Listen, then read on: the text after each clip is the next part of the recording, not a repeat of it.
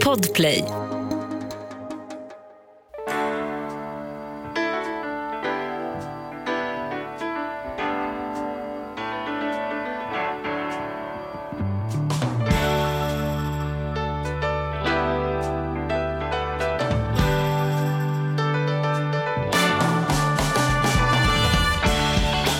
Och hjärtligt välkomna till Ekonomi på riktigt med Sari och Mattias. Känns ju nästan fel att du och jag sitter på vinets dag här med en kaffe.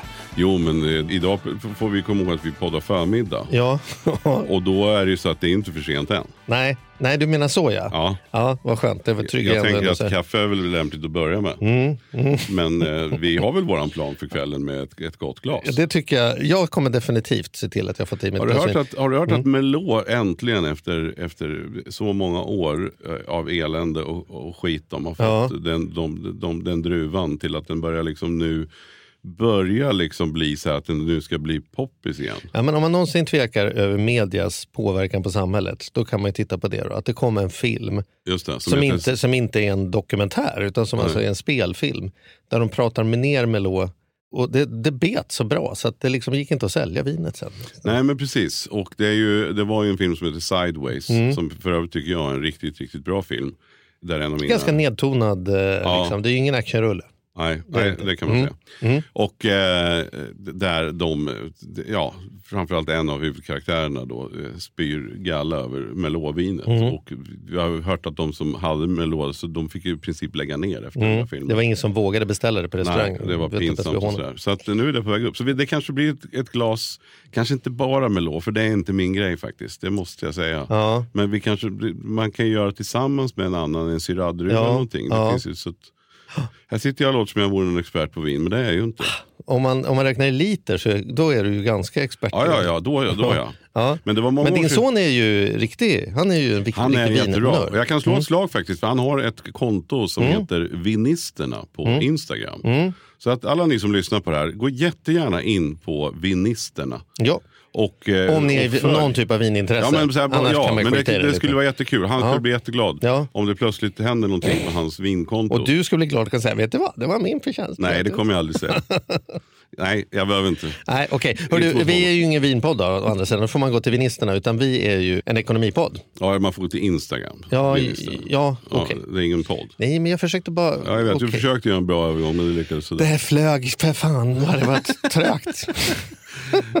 Ja, men nu då, ska du ta och presentera våran eminenta gäst? För de här gästerna, för den här, de här, det är som att det skulle vara något speciellt. Ja, det är Ja, speciellt. alltid. Det här är alltså en gästernas gäst, nämligen en lyssnare. Ja, som då är man alltid besök. VIP hos oss. Då är man VIP. Ja, och det är ja. sån, otroligt kul. Men eftersom jag nu babblar Ja, så, så vi drar ger jag henne en applåd. Caroline Schön!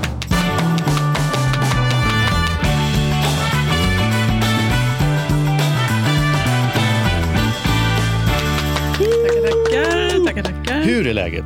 Det är bra, tack. Ja, Hur är du, det själv? Du är ju födelsedagsbarn idag. så är det. Vi försöker bli mörka här. Ja, Men det, jag förstod det. Men det- eftersom vi spelar in det nu, ju. Ja, det är korrekt. Jag har ingen annan till för man kan spela in den nu. Det är som en metafor för livet. Men vi sänder det här eh, om eh, några veckor och då kommer folk känna så här, va? Ja, sen trodde jag visste när han fyllde år. Men så, Mm. Då är det så, ännu äldre då. då, då ja, eventuellt. Om jag fortfarande lever. Vi får se. Man man får ta eh, Men varje det är dag som okej kommer. att, vi, att Caroline och jag släpper det här avsnittet även om du skulle ha trillat av pinn. Så att säga. Det Har vi ditt förväntar jag mig. jag- jag förutsätter att i Storkyrkan så spelar man den i högtalarna och har någon typ av vaka. Gud, du har storhetsvansinne. Det har jag.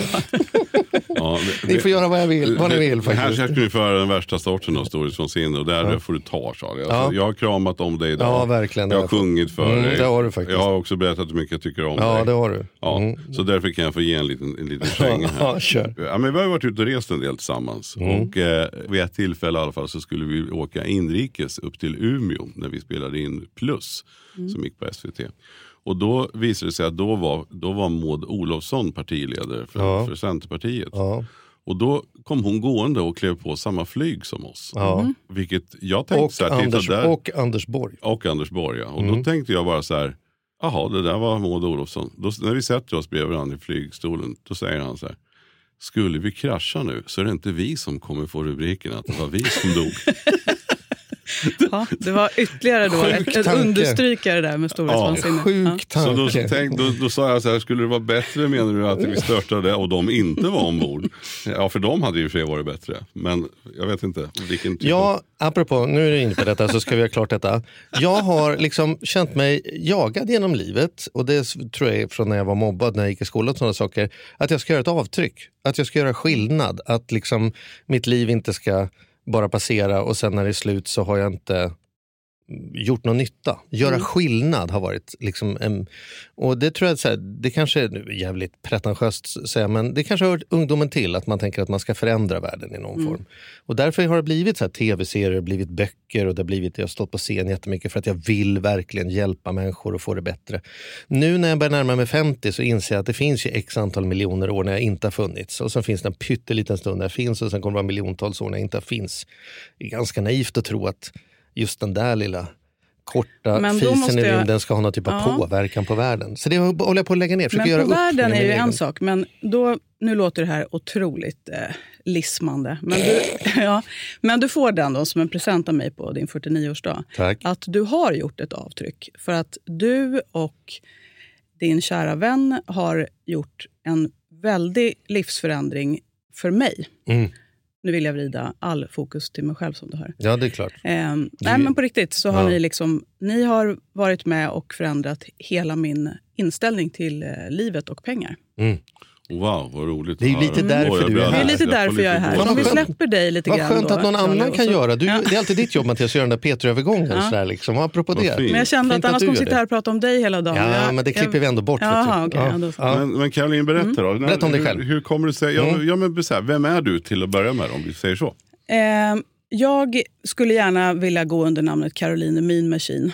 Mm. Jag har alltid haft liksom en dröm av att vara, bli en stor MMA-stjärna. Mm. Liksom, jag har skaffat mig mitt stage name, jag har en ingångslåt. På tal om storhetsvansinne. Vilken låt är det då? Eller är det ja, det, det, vet jag inte. This is why I'm hot heter den. Den jag, kan, jag, inte. jag kan spela den för dig sen. Ja, vi får se om vi ja. vågar smyga på några sekunder. Vi, vi kan avsluta podden med några ja. sekunder. Mm. Men vi, man har med rättigheter att göra. Ja, ja, men några sekunder vågar vi. Men några sekunder vågar vi. Mm. Och då för att gå in på en annan sak som också har varit väldigt avgörande för mig är en av era gäster, David J.P. Phillips. Mm. Så den låten är ju väldigt testosteronhöjande och adrenalinhöjande. Mm. Så därför tänkte jag att jag skulle ha den som ingångslåt. Nu är jag ju av den höga åldern 45 år, så det kommer ju inte bli av. Mm. Men eh, den drömmen har väl också att göra med det här att jag är lite filterlös och ganska lite annorlunda än gemene man eftersom att jag har ADHD. Mm. Och när jag då har lyssnat på er och jag fick min ADHD-diagnos för ungefär ett och ett halvt år sedan. Och i samband med det, eller i samtid med det, så gick jag in i väggen ordentligt.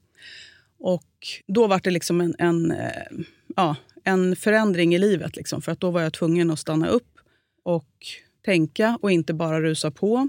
Så ja, I och med det så har liksom mycket ändrats. Och eh, ja, då kom eh, tankarna på ekonomi och hur enormt stressande det är. Jag tänker att ADHD också så här, Dels kan det visa sig olika och mm. dels kan det sitta människor och lyssna och tänka så här, det hör man bokstäver hela tiden och så mm. blandar man ihop dem och så vågar man inte fråga för man vill inte låta som en idiot. Mm. Så då tar jag det jobbet och säger så här, mm. hur upptäckte du det och vad är det för, för tecken i ditt liv du ser? Mm. så här, Ja, det är nog ADHD som pågår här. Liksom. Ja, man vill börja med då att ADHD kan ju se väldigt olika ut för olika personer. Det är liksom viktigt att understryka. Och H som är hyper kan ju vara både liksom fysiskt hyper och mentalt hyper. Och för mig är det ju mentalt, att min hjärna stänger ju aldrig av.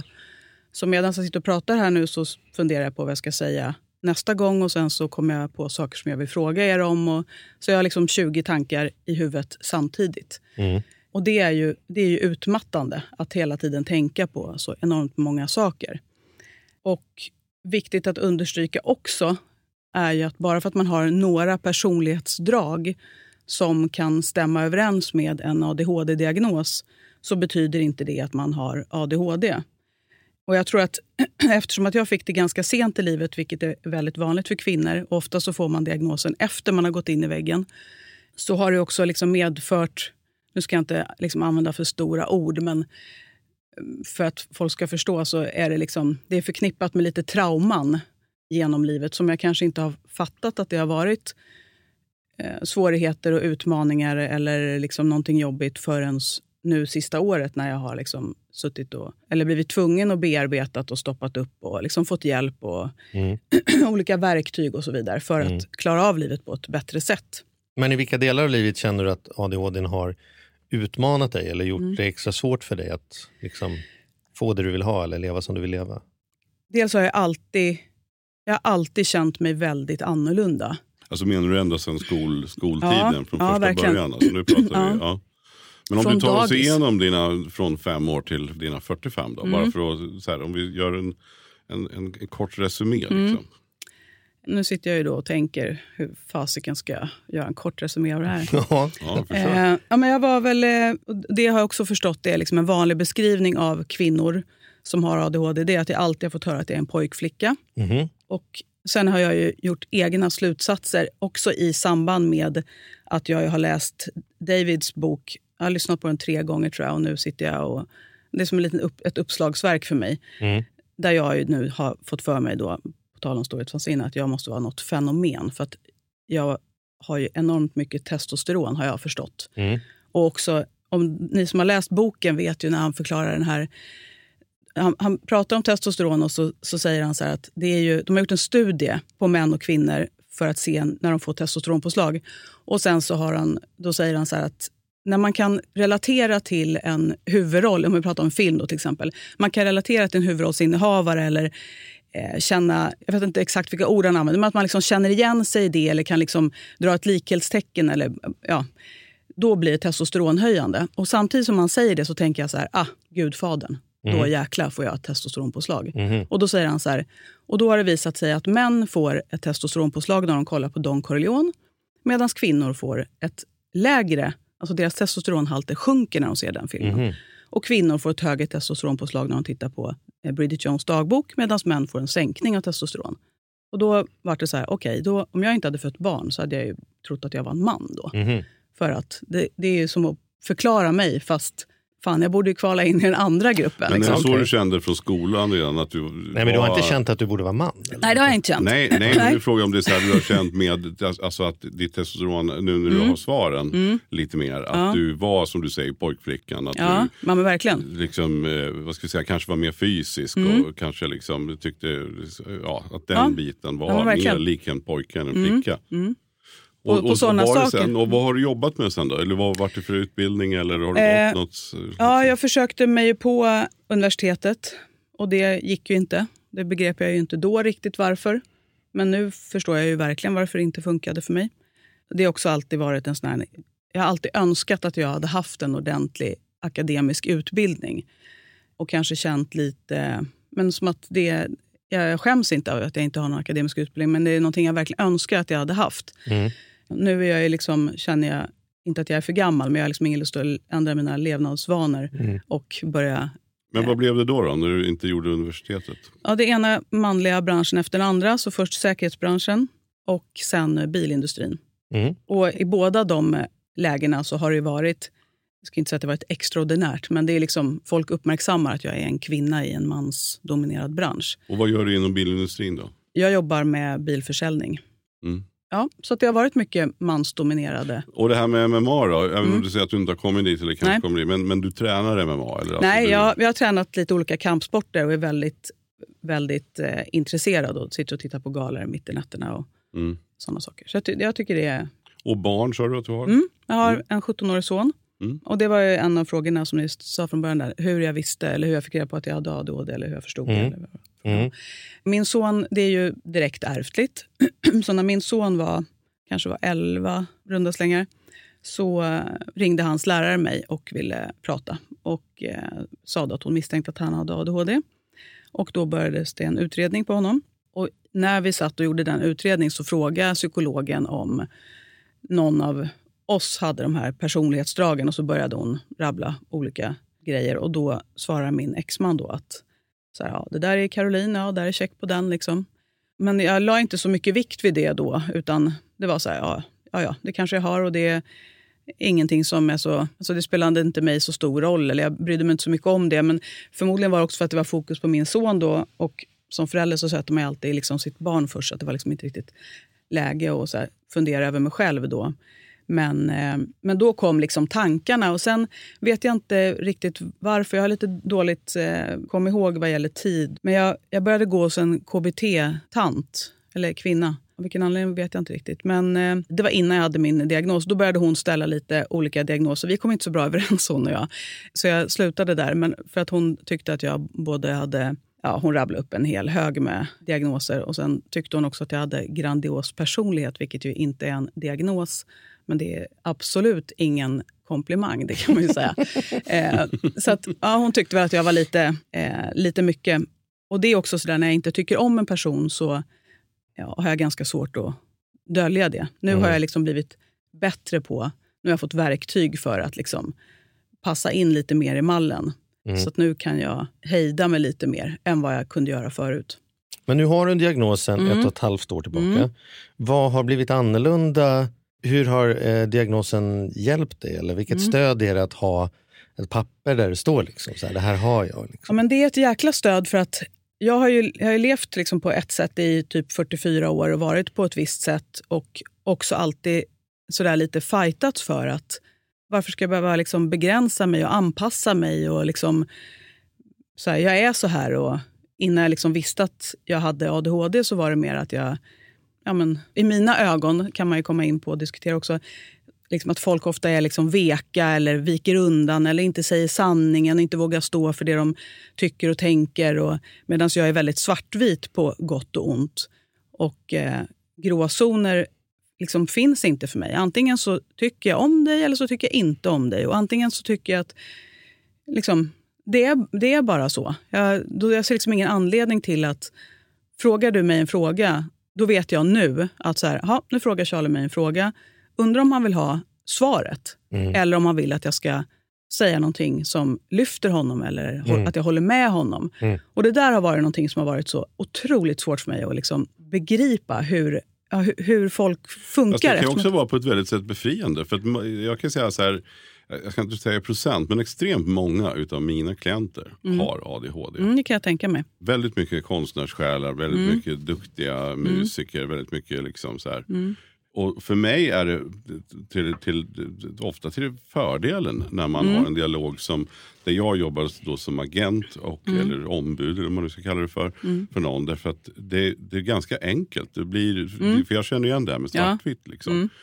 Och jag upplever också så att ja, men är vi inte överens då kan man liksom, så här, då är det antingen eller och sen får vi komma överens om antingen eller. Ja, men... Vi behöver inte gå massa genvägar Nej. som man annars ska hålla på och linda in och så, där. så jag vill säga att det också är till fördel. Men det där tycker jag är jättebra att du säger det. Men det finns också en, det som är, jag hittar på nu då, skillnad för många av de artisterna du jobbar med, de har ändå hittat sin grej. Och det är väl det. Är väl det liksom, att, att, att när vågar... man är osäker på, liksom så här, är jag okej, okay, hur blir jag behandlad, folk är så här. Men, men det är kanske lite enklare jag till exempel känner igen mig i nästan allt det du beskriver. Mm, och det har jag också tänkt liksom, på ja, att du gör. Ja. Ska, det ska också så, komma så, till. Så jag kanske absolut är där också. Och jag känner dessutom igen min mamma väldigt väl som mm, ju är, mm. Är svart och vit. Men har du varit och gjort någon utredning? Nej, därför att jag sen jag liksom blev fri från liksom mobbningssituationen så har jag fått ett sånt självförtroende och jag menar inte liksom det som bra eller dåligt, men det sättet jag är på har varit, du vet ju du som har jobbat med mig när, mm. eh, länge, jag säger så här, det där funkar inte för mig. Mm. Och då är det inte som att jag behöver förklara varför det inte funkar för mig, utan det är bara sorry, liksom. men, men det kommer inte flyga. Jag kommer inte göra det eller det blir inte sådär. Eller, och andra säkert säger så här, det där kan jag ta, det passar mm. mig jättebra. Så jag har fått, någonstans på vägen har jag fått, eh, jag kan inte säga att jag har odlat det, utan jag tror att jag har fått ett jävla självförtroende. Och det tänker jag att många av dina klienter, har man klivit upp på scenen, har man gjort Melodifestivalen, släppt skivor, då kanske det också är lättare att sitta i mötet säga dig tycker jag om, dig tycker jag om och du, du föreslår att det inte är med nästa gång. Har man inte riktigt hittat vad man ska jobba med eller man jobbar liksom säkerhetsteamet på en flygplats eller jobbar liksom man, man vågar inte vara sån. Liksom, Men jag, tro, jag tror så att, känner du igen det? Eller? Ja, fast jag tror att ADHD-personer som, som du jobbar med till exempel, de har ju förmodligen kommit dit de har kommit för liksom, tack vare att de mm. har ADHD. Alltså att de inte har de här spärrarna att inte ska väl jag och jag vågar inte och jag borde inte. och liksom jag lyssnade på er när jag åkte hit och då hade ni en gäst. Och då, är det, då hörde jag lite, och då var det så tydligt i och med att jag skulle hit och prata om att jag har ADHD, där den personen liksom ber lite grann om ursäkt för sig själv. Och den förmågan eller vad jag nu ska säga, den besitter inte jag.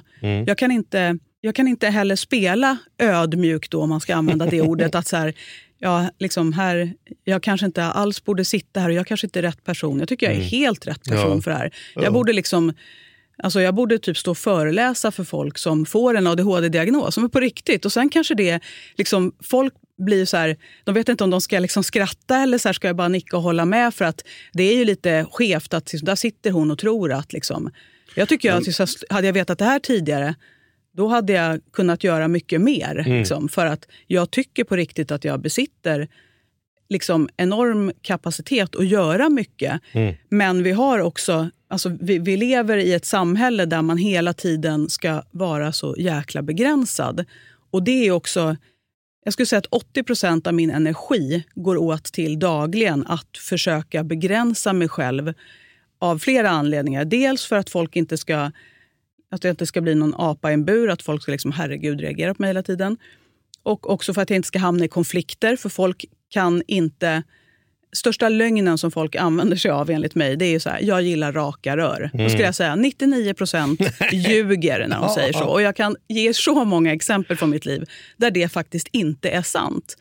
Så det uttrycket kräks jag över när jag hör. För att det är så här, ingen tycker det, förutom jag och likasinnade. Liksom. Mm. Men har, eller jag måste ha en, en mellanfråga här bara. När du fick diagnosen, mm. äter du medicin? Ja, Har- Har den lugnat dig eller har den, har den, känner du att den har påverkat? För jag har nämligen klienter som har fått samma medicin. Det finns väl en sort antar jag som är den moderna och bra idag. Men någon av dem har ju känt att de har liksom börjat tappat det lite av den här drivet. Edgen, att, liksom. att edgen att kanske skriva eller kanske att göra.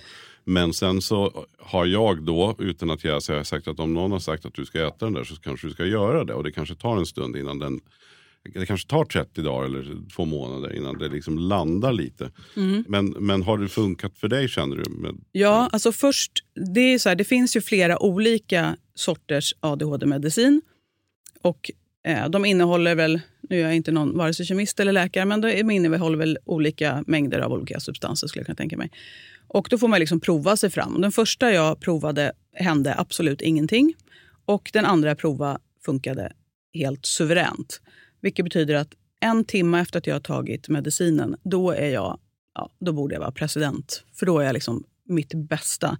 Då har, liksom, då har den kickat in ordentligt och då pratar jag också lite mer än, än eh, vanligt. Det är liksom som att då får jag en skjuts. Liksom. Och sen håller den i sig. Det finns ju också olika eh, mediciner som håller olika länge på dagen. Min håller ungefär åtta timmar. Och då blir jag mer fokuserad, jag blir mer samlad. Tankarna är inte liksom lika... Ja, det är som att i vanliga fall, när man inte tar medicin så är mina tankar på anabola. Då bara, det är liksom, jag hinner inte tänka klart en, en tanke innan en ny kommer. Men då blir jag lite mer fokuserad. Ska jag göra någon, någon utbildning via jobbet eller liksom läsa igenom något dokument, som för övrigt är det värsta jag vet, sitta och läsa långa texter. Då är det mycket lättare för mig. Nu har jag också liksom lärt mig hela den här biten med att man kan antingen så här, oh, fasiken, jag ska sätta mig och läsa igenom det här. Eller så här, liksom tänka att det här är nyttigt, det här är bra, det här kommer vara någonting som jag lär mig någonting av. Hela den liksom tankekraften får man ju också... Liksom, Men det där är någonting som inte så här, ligger då kvar latent utan du behöver ta en varje Mm, dag. och jag tar medicin varje dag.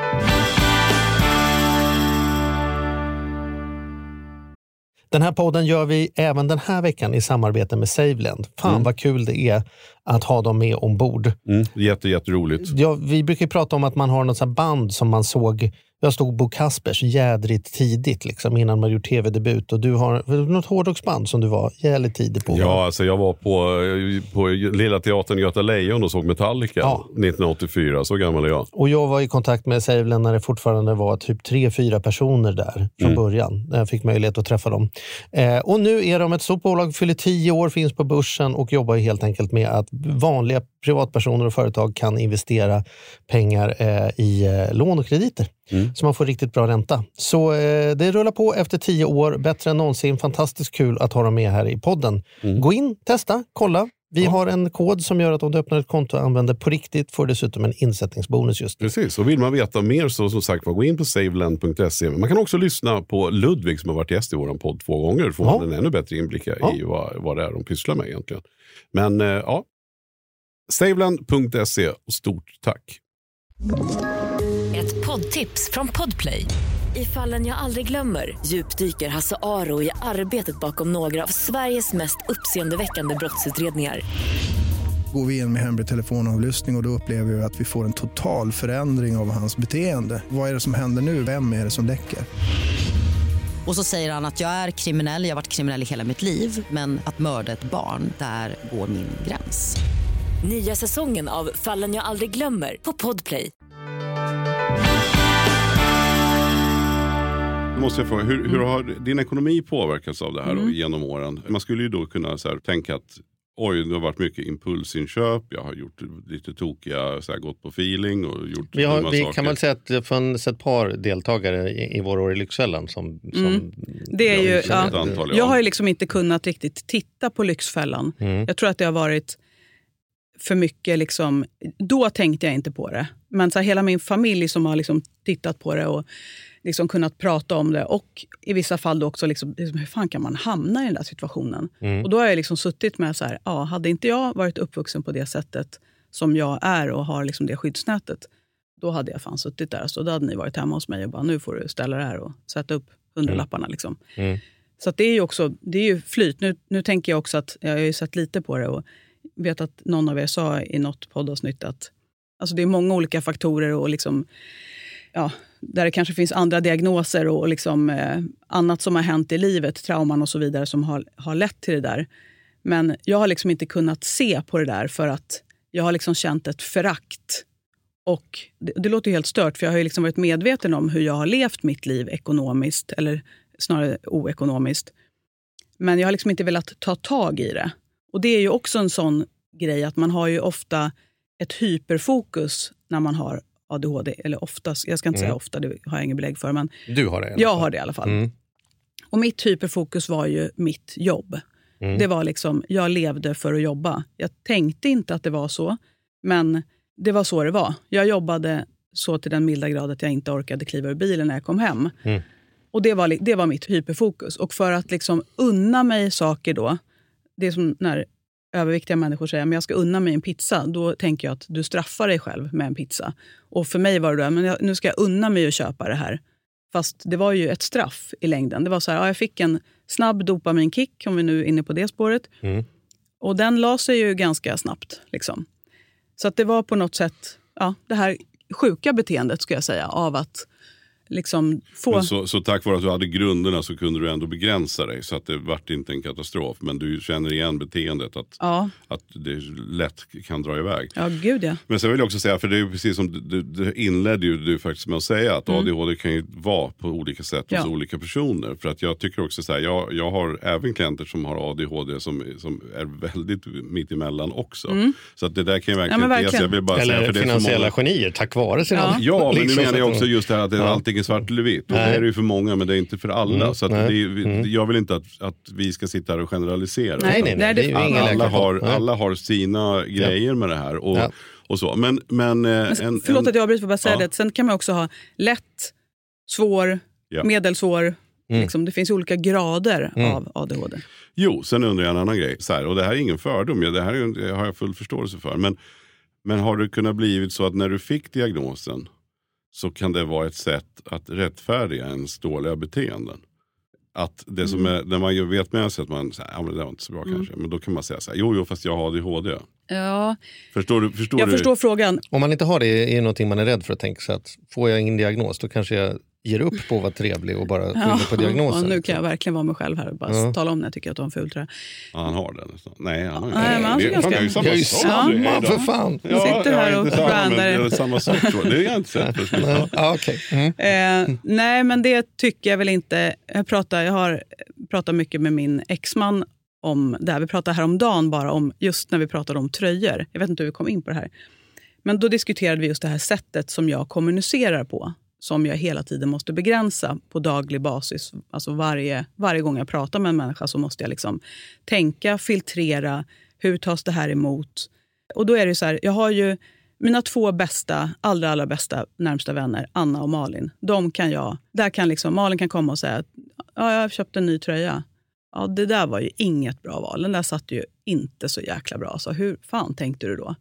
Jag kan säga det till henne eller till Anna för att de vet att jag har inga, ingen dålig intention. Utan jag säger bara så här, men vad fasiken, den där tröjan var ju fruktansvärd. Hur kunde du... Liksom?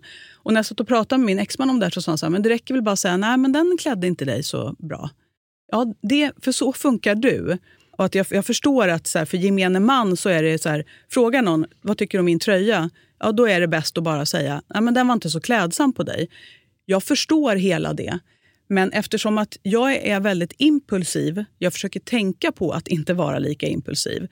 Men när jag då är med de personerna som står mig närmast, då får jag äntligen liksom vara mig själv till 100% Jag behöver inte hela tiden hålla på sätta på mig hängslen och livrem och säkerhetsbälte och liksom selar och grejer. Utan då kan jag bara så slappna av. Jag behöver inte hålla på och liksom tänka på vad jag säger. Utan och de vet också att säga så här, Malin den där klänningen var skit, fan skitful, liksom. gå och lämna tillbaka den där på en gång. Då vet hon att det, jag har liksom inget, ingen dålig avsikt med det. Mm. Men jag kan också, jag är medveten om och jag kan använda det för att såra eller liksom vara elak. För den svängen kan jag också komma in i. Att Jag vet att jag kan vara jäkligt elak när jag blir liksom triggad. Och jag tror att det jag vet att det är en del i ADHD. Många har, eller många, det var också fel, det kan jag inte svara på. Men det finns de som har ADHD som har problem med humöret eller temperamentet. Och jag är, är en av dem. Hur är det med empatin efteråt då? Kan du få dåligt samvete om du har sagt eh, att det där var en ful tröja till någon som inte är Malin till exempel? Kommer du på att... Alltså, det, är, det är en så lite tricky question för att om jag, har, om jag bara sagt så här, Charlie, den där tröjan är inte fin, för att jag vet att Charlie är finare än en annan tröja, då är det bara, det är bara fakta för mig. Mm. Om jag däremot, liksom så här, om jag inte tycker om dig, då är det som att jag kan gå och vänta på, så här, snälla kan inte han bara fråga vad, han, vad jag tycker om hans tröja, mm. för då jävla ska jag tvåla till honom. Mm. Så, och det är också så här, jag, jag, kan känna en överdriven, jämfört med då folk utan ADHD, liksom irritation eller ilska eller liksom, ja, negativt inställd till en person och då kan jag bara få vänta på ett tillfälle att få ge utlopp. För att jag är som en... Liksom... Men kan du leta tillfällen? Jag tänker så här, ja. om du sitter på en bio och sen sitter någon och prasslar med en påse. Till ja, exempel. ja, herrejösses. Och då har jag heller inget konsekvenstänk. Och jag har ju liksom, ibland tänker jag så här, jag har bara haft flyt att jag inte har råkat ut för värre saker än vad jag har gjort i livet. Eftersom att jag reagerar, jag tycker att jag har liksom en rätt att jag har en bra inre moralisk kompass, eller vad jag ska säga. Så att om jag ser någon som beter sig riktigt illa, då, då kan jag inte låta det vara. Men jag tänker inte heller, nu ska jag inte säga att det är en, men bara för att liksom ge ett målande exempel, som jag inte har varit i. Men vi säger att det, det står en, en eh, man med en kniv mot en kvinna eller en annan man eller vem som helst. Då tänker inte jag så här, jag kan inte gå in här för att jag kanske blir skadad. Utan då får jag ett påslag av mm. ja, någonting och blir bara helt... Då, då spelar det ingen roll hur mycket medicin jag har i kroppen. Då, liksom, mm. då har jag inget konsekvenstänk. Det är roligt att lyssna på dig tycker jag, navelskådande. För att det är som halvvägs är vi så lika. Mm. Att jag, jag, det blir så tydligt när du säger mm. så att jag kan verkligen människor som känner mig väl. Johan, en av mina bästa kompisar, sa i somras, det var otroligt värdefullt. Han sa så här, du har nästan alltid rätt när du pratar, mm. men måste du säga det så hårt? Mm. Och jag älskar ju att du gör det. Ja, och det, för honom är det som att så här, mm. redan första ska, gången du berättar... Jag kanske ska lämna ja, du nej, men, så, nej, men redan för, han säger så här, vi hörde redan första gången, mm. när du ska säga det för tredje gången och med mm. tredje exemplet beskriva vilken rutten kommentar den där personen precis sa, mm. så är det som att de har ingen chans att kravla upp ur det hålet. Nej. För du har verkligen liksom, mm. och det är inte för att du har fel, men det är som så här, det blir jävligt svårt ja. att komma vidare. Liksom. Och det var så värdefullt för mig. För det kan jag säga. Men sen har jag ju dessutom då, det som du beskriver, å andra sidan konsekvenstänkandet. Jag är mm. ju jävligt klurig när det gäller. Skulle det mm. vara en kniv på stan så skulle jag också reagera som att det här behöver jag styra upp den här situationen. Mm. Men då hade jag hittat på något annat än att kliva emellan. För jag är mm. ändå analytiker. Liksom. Mm. Så att, Men det har jag fått alltså, nu eftersom, att jag, eftersom att jag nu är medveten om att liksom, det är en neuropsykiatrisk störning. Alltså, Mm. det, är liksom, det lirar inte riktigt samma i min hjärna som i många andras. Så att nu är jag medveten om det. Förut var det som att jag liksom... Jag, jag tänkte inte de banorna. Nu vet jag. Och nu är jag, även om jag kan... Jag kan gå in i en diskussion till exempel så kan jag känna så här, nu börjar jag bli jävligt förbannad här. Mm. Nu borde jag stoppa. Nu är, då kan jag, liksom, jag kan hinna tänka så här att nu, Caroline, avlägsnar du dig från den här situationen fysiskt. Nu använder jag termer som min kurator använder. Så då ska du liksom, för det går inte från 0 till 100 som folk säger, utan det tar längre tid. Förflytta dig från situationen fysiskt så att det inte liksom... För att när jag kommer in i liksom stormens öga, då finns det inga gränser för vad jag säger eller vad jag gör. Det är som den gamla Hulken-tv-serien. Ja, men liksom. lite, lite så. Mm. Och vad skulle jag komma med det här nu då? Det är ingen aning. Nej. Jo, Nej. att du har blivit bättre på att du kan analysera. Ja, kan precis. ur. Och då, Mm. nu när jag vet att det är så, då kan jag liksom hinna, inte alltid, jo, men jag, jo vad det jag skulle säga. Jag hinner ju tänka så här, nu borde jag tagga ner, jag borde flytta mig härifrån. Och sen är det som att det bara liksom en procent till i hjärnan spårar lite och sen glömmer jag det där. Mm. Och då reagerar jag till fullo och förstör en vänskap eller en relation eller vad det nu kan Men då undrar jag, eh, nu, du berättade ju, vilket var väldigt smickrande, att du lyssnar på oss Mm. och att, att vi har varit en del i att förändra ditt ekonomitänk och, och liksom ditt mående och sådär. Berätta, det är ju jättekul att höra. Ja. Så att vi kan fortsätta göra då. Ja, men Mm. Och hur hittar du oss? Ja, då är det så här att då går vi tillbaka till Malin och Anna, mina fantastiska väninnor som ju är helt normala. vad ska jag säga. Kommer alla med Ingen ADHD och läkare normalt. kommer bli helt galna. Men de, är, har, De har inte de har ADHD. inte ADHD. Det kan man ingen säga. diagnos Nej, de har ingen diagnos. Mm. Och Anna hon är väldigt duktig med pengar och eh, har alltid varit, vi har bott ihop också stötvis. Hon har varit med och uppfostrat min son. Och Det har att göra med att hon har rest mycket i sitt jobb. Hon är militär och eh, ja, vi funkar jättebra ihop. Så hon har bott hos oss när hon har varit hemma i Sverige och så vidare. Och hon hjälpte mig att öppna ett Avanza-konto en gång. Och för att förklara då hur extremt dålig koll jag har på, hade på min ekonomi. Och hon eh, gjorde så att det drogs en tusenlapp tror jag var. Och sen var det inte så mycket mer med det där. Jag bytte väl telefon och någon app försvann och jag vet inte, kommer inte ihåg. Och sen pratade vi om Avanza-konto vid något tillfälle. Så låg jag väl på kvällen i vanlig ordning när jag inte kunde sova och så tänkte jag men jag ska starta ett Avanza-konto. Och sen så skulle jag göra det och då hade jag ett Avanza-konto. Där det dessutom fanns 35 000 eller något. Så då, om man då drar 1000 spänn i månaden så kan man ju snabbt räkna ut att det var ju nästan tre år då som det har dragits 1000 kronor från mitt konto varje 25 och jag har inte haft en aning om det. Mm. På den nivån var det. Mm. I alla fall bara för att liksom förklara att Anna har varit med i den ekonomiska biten från start. Hur som haver så gick jag in i väggen och eh, det är ju bra att vara ute i naturen. Så hon och jag och en annan väninna åkte iväg och vandrade. Anna är en sån här friluftsmänniska. Jag avskyr tält.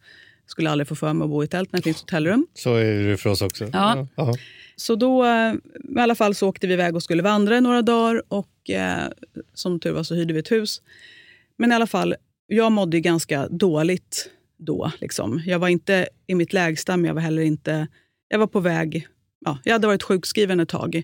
Och så började vi prata och jag bröt väl liksom ihop för att jag insåg hur enormt stressad jag var över min ekonomiska situation. Och då gjorde jag som ni säger att man ska göra. Man tar hjälp av en människa. Och eftersom att det här är ju liksom stigmatiserat och det är ju, som ni har pratat om hundra gånger, det är förenat med väldigt mycket skam. Så är det liksom inte, ja men det är ingenting man liksom bara berättar gärna för folk. Och det är därför jag sitter och väger mina ord lite nu också, för det är inte många i mitt liv, eller de som vet vem jag är, som, som vet liksom hur jäkla illa det har varit. Mm. Men så vi satt i alla fall och åkte hem och Anna sitter och tar min telefon, loggar in på min bank och sitter och skriver ner, också precis som ni har pratat om. Men det här har jag ju hört efteråt nu. Men det är bara liksom häftigt och vi har gjort precis så som ni säger att man ska göra. Men jag klarade inte av det själv. Så Anna satt och liksom styrde upp hela min ekonomi, satt och skrev ner det här går pengarna till. En annan del i ADHD är att det är väldigt svårt att ta tag i saker. Speciellt sånt som man inte tycker är intressant eller kul eller någonting som man har ett liksom, som man känner att, ett motstånd emot. Och för mig har det alltid varit ekonomin. Mm. Så hon sitter i alla fall och skriver ner det här. Och Det var som att det liksom fick landa lite i mig. Och eh, Sen vet jag inte exakt tidsintervallet där, för jag var ju lite koko ett tag. Men det har i alla fall resulterat i att jag har ju, på tal om hyperfokus nu, så är ekonomi då nu mitt hyperfokus. Som jag ändå försöker begränsa lite. Så att nu är det ju Excel-fil. Jag har en Excel-fil och så har jag månadsvis och så har jag liksom mina bolån i en fil som jag då ändrar. Fyller i liksom hur mycket det har gått upp eller ja, gått ner beroende på. Så att, eh, det är också så här, jag hade ingen aning om så här, hur många lån har jag, vad har jag för ränta och liksom måste man, när det kom någon meddelande, så här, nu är det dags att lägga om lånen här. Och det är liksom, jag reflekterade inte ens över att jag fick det meddelandet i bankappen för jag begrep inte vad de eller så här, jag, jag satte mig inte ens in i eller jag tänkte inte klart tanken. Inte eller, ensam kan jag säga. Nej. Och det är också väldigt skönt att ha lyssnat på podden för att det är väldigt skönt att höra att liksom högpresterande människor som ni har pratat med och eh, liksom kända profiler och som, som är framgångsrika, de har ingen koll på sin privatekonomi men de kanske har väldigt bra koll på ekonomin som de har att göra med i sin profession. Mm. Och Jag är jätteduktig på affärer. Jag skulle säga att jag är en lysande affärskvinna. Jag kan mm. verkligen sätta mig ner och prata med en kund och bryta ner allting. Vara extremt ärlig och liksom förklara. Inga så bilhandlar, hela den där stereotypa. Ja, utan jag bryter ner de olika finanslösningarna, räknar ut det på en månadsbasis, slår ut allting, bryter ner och verkligen förklarar. Och sen är det liksom upp till kunden. Och jag, jag vet ju, jag är så enormt insatt i de olika finanslösningarna. Det vet jag att ni också har pratat om. Och jag tycker inte du ska hålla på med de här elbilarna och hyra dem. Men det kan vi ta sen. Jag ska, jag ska berätta sen vilket märke du ska ha. Nej, men där, där är jag jättekompetent. Men när det kommer till min egen ekonomi så är jag, har, jag, har jag varit extremt extremt okompetent. Mm. Men, men vad har, du, och, och, har du liksom lyssnat i fatt nu då? Eller du kom in för ett och ett halvt ja. år sedan i podden? Ja, nej, och det var också Anna då som mm. så här, den här podden ska du lyssna på. Sen vid något tillfälle så tipsade hon om en annan podd och så ringde jag upp henne och bara, hur tänkte du nu? Hon bara, jag vet, de, du klarar inte av hur de pratar. Nej, exakt det är dialekter eller det är släpigt och det är entonigt. Och då har jag lust att bara lust att skjuta mig. Alltså, fixa inte det här. Så det är också väldigt viktigt för mig. Och då har det också gjort att en vissa... av oss har en ganska skön röst också. Ja, precis. Ja, men Charlie är toppen på det sättet. Men i alla fall... men... ja, jag märker att jag säger det. det, det finns någonting. Ja, ja det, är, det är den här kombinationen. Ja, just det. Eh, nej, men, så, så jag har lyssnat väldigt mycket på, på er. Men det är också vissa människor som ni har haft som jag inte kan lyssna på. Dels för att kanske ämnet inte är någonting som jag kan relatera till. Och då blir det inte lika intressant. Nej, så, så de, kommer liksom, de kommer komma sist. Mm. Och sen finns det också då när, när, folk har en väldigt monoton... Jag kan liksom ha sett ett program och så här, det, det ska innehålla det här, toppen. Och så slår jag på och så har människan någon dialekt eller jätteentonig eller vek röst.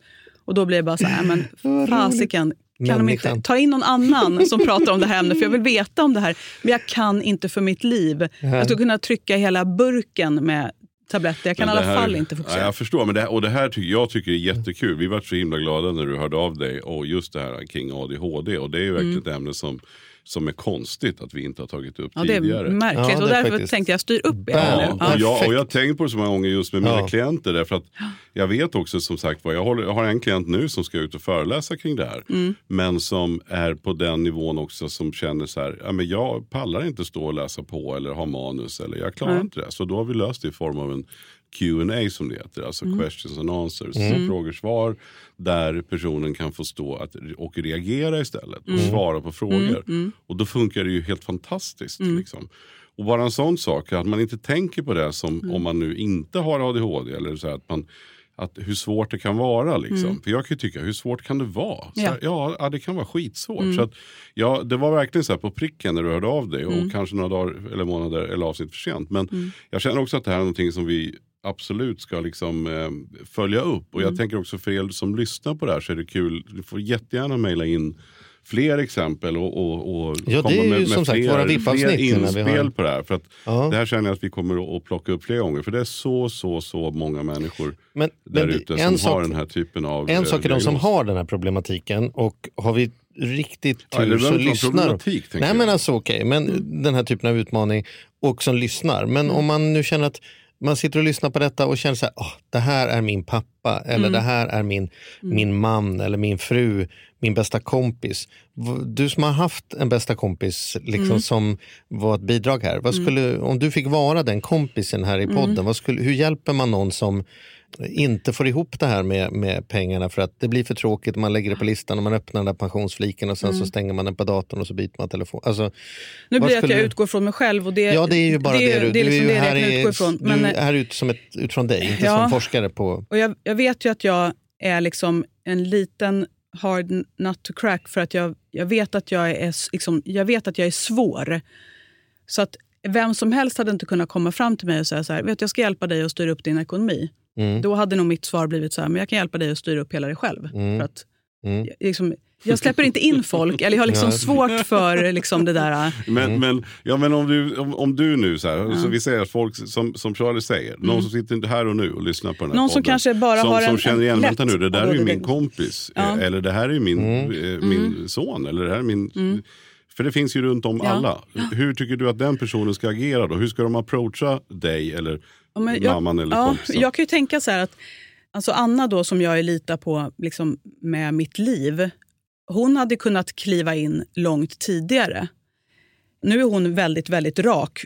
Alltså i många avseenden som mig ibland då, eller vad ska jag säga.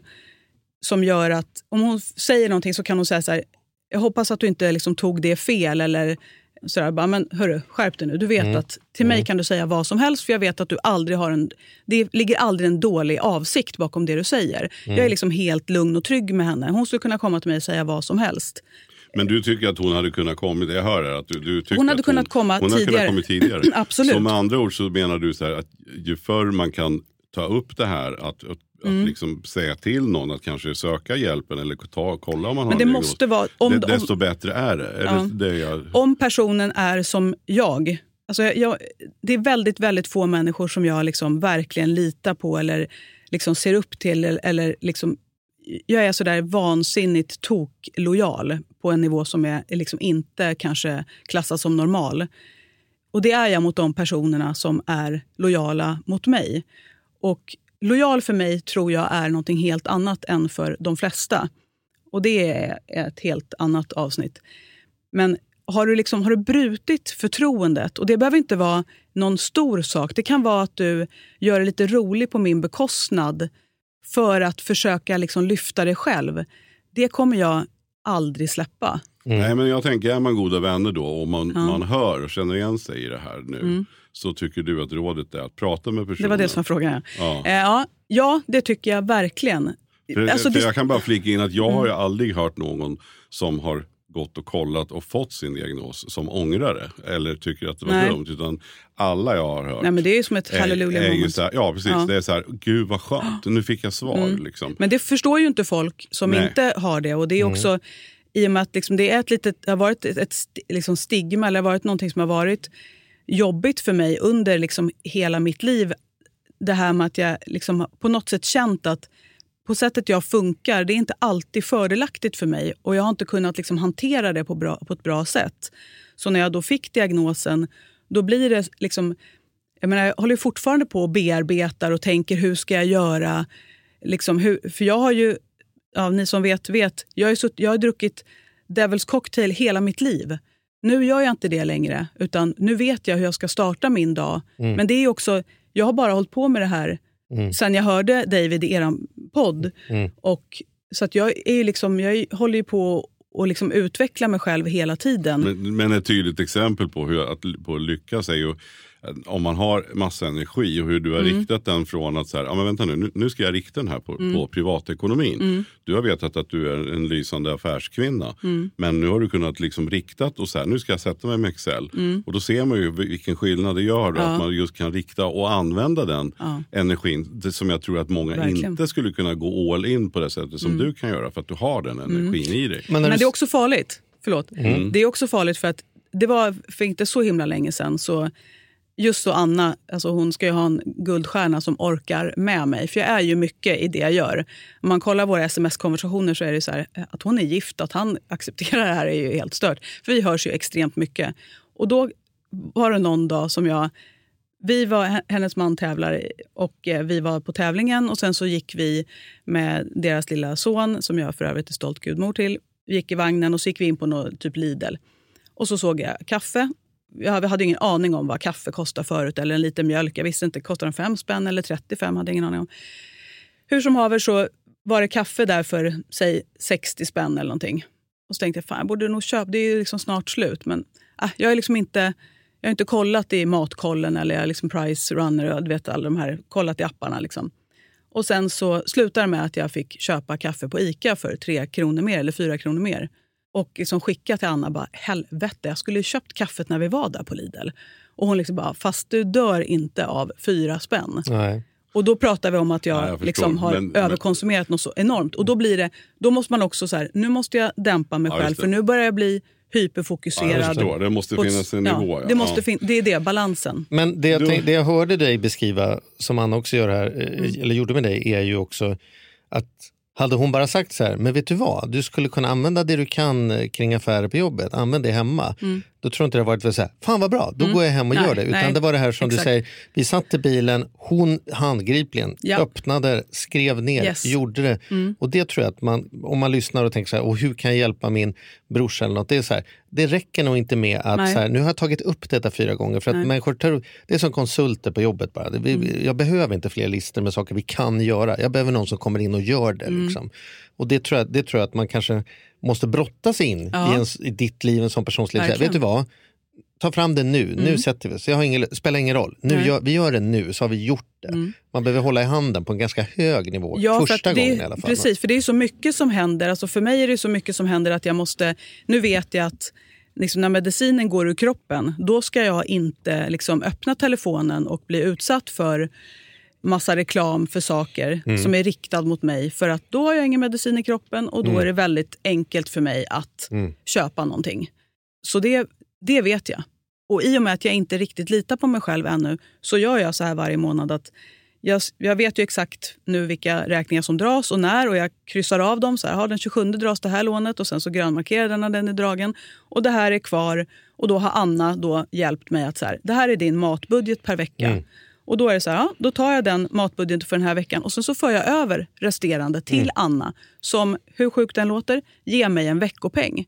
Det här gör också att när jag ska handla någonting då kan inte jag handla på impuls utan jag måste fråga Anna om mina pengar. Vilken, vilken fantastisk vän. Hon är helt magisk. Men det här var, alltså först så vill Ja, jag tacka dig. Ja, Ja, tack så jättemycket för att du Det uppmärksammade det här. Det här lovar vi att vi kommer att följa upp på. Ja. Eh, Så. Ja. Och eh, alltså, det, det är så härligt när du sätter på pricken på det jag har upplevt också. Mm. Även som vi säger, det finns, det finns liksom eh, olika nivåer. Men, men generellt så, så ligger ju mycket där. Jag känner igen det jättemycket också. Men också väldigt fint att du vågar komma, eller vågar, men det är fint att du tar, alltså du skriver till oss, du tar tag i det här och du är här och pratar om det. Det är Jag skrev mejlet när medicin hade gått ur kroppen, så kan vi säga. Ja, men då finns det bra saker Ja, det du ser, det finns grejer. Ja, nej, men ett superstort tack Caroline för att du kom hit. Och sen måste du hälsa Anna. Det ska jag Ja. verkligen göra. Ja, Men, men du, vi kan inte avsluta utan att, eh, liksom, hon fick inget intåg, men vi kör uttågsmusiken på eh, det vill jag verkligen ha. Ka- Caroline eh, The Mean Mach- Machine. The Mean Machine. The Mean Machine eh, och sen är vi tillbaka med något helt annat nästa vecka. Ja, det är väl lätt. Tack för idag. Tack så mycket. Tack snälla. Och här skulle ju egentligen This is why I'm hot spelas. Men på grund av upphovsrättsliga skäl så är det inte tillåtet att ens spela upp några sekunder av den låten. Men hörni, gå in själva på valfri musikplattform och lyssna där. Ha det fint! Hej då från klippare Jessica. Podplay.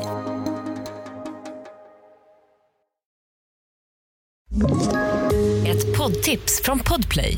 I fallen jag aldrig glömmer djupdyker Hasse Aro i arbetet bakom några av Sveriges mest uppseendeväckande brottsutredningar. Går vi in med hemlig telefonavlyssning och, och då upplever vi att vi får en total förändring av hans beteende. Vad är det som händer nu? Vem är det som läcker? Och så säger han att jag är kriminell, jag har varit kriminell i hela mitt liv men att mörda ett barn, där går min gräns. Nya säsongen av Fallen jag aldrig glömmer på Podplay.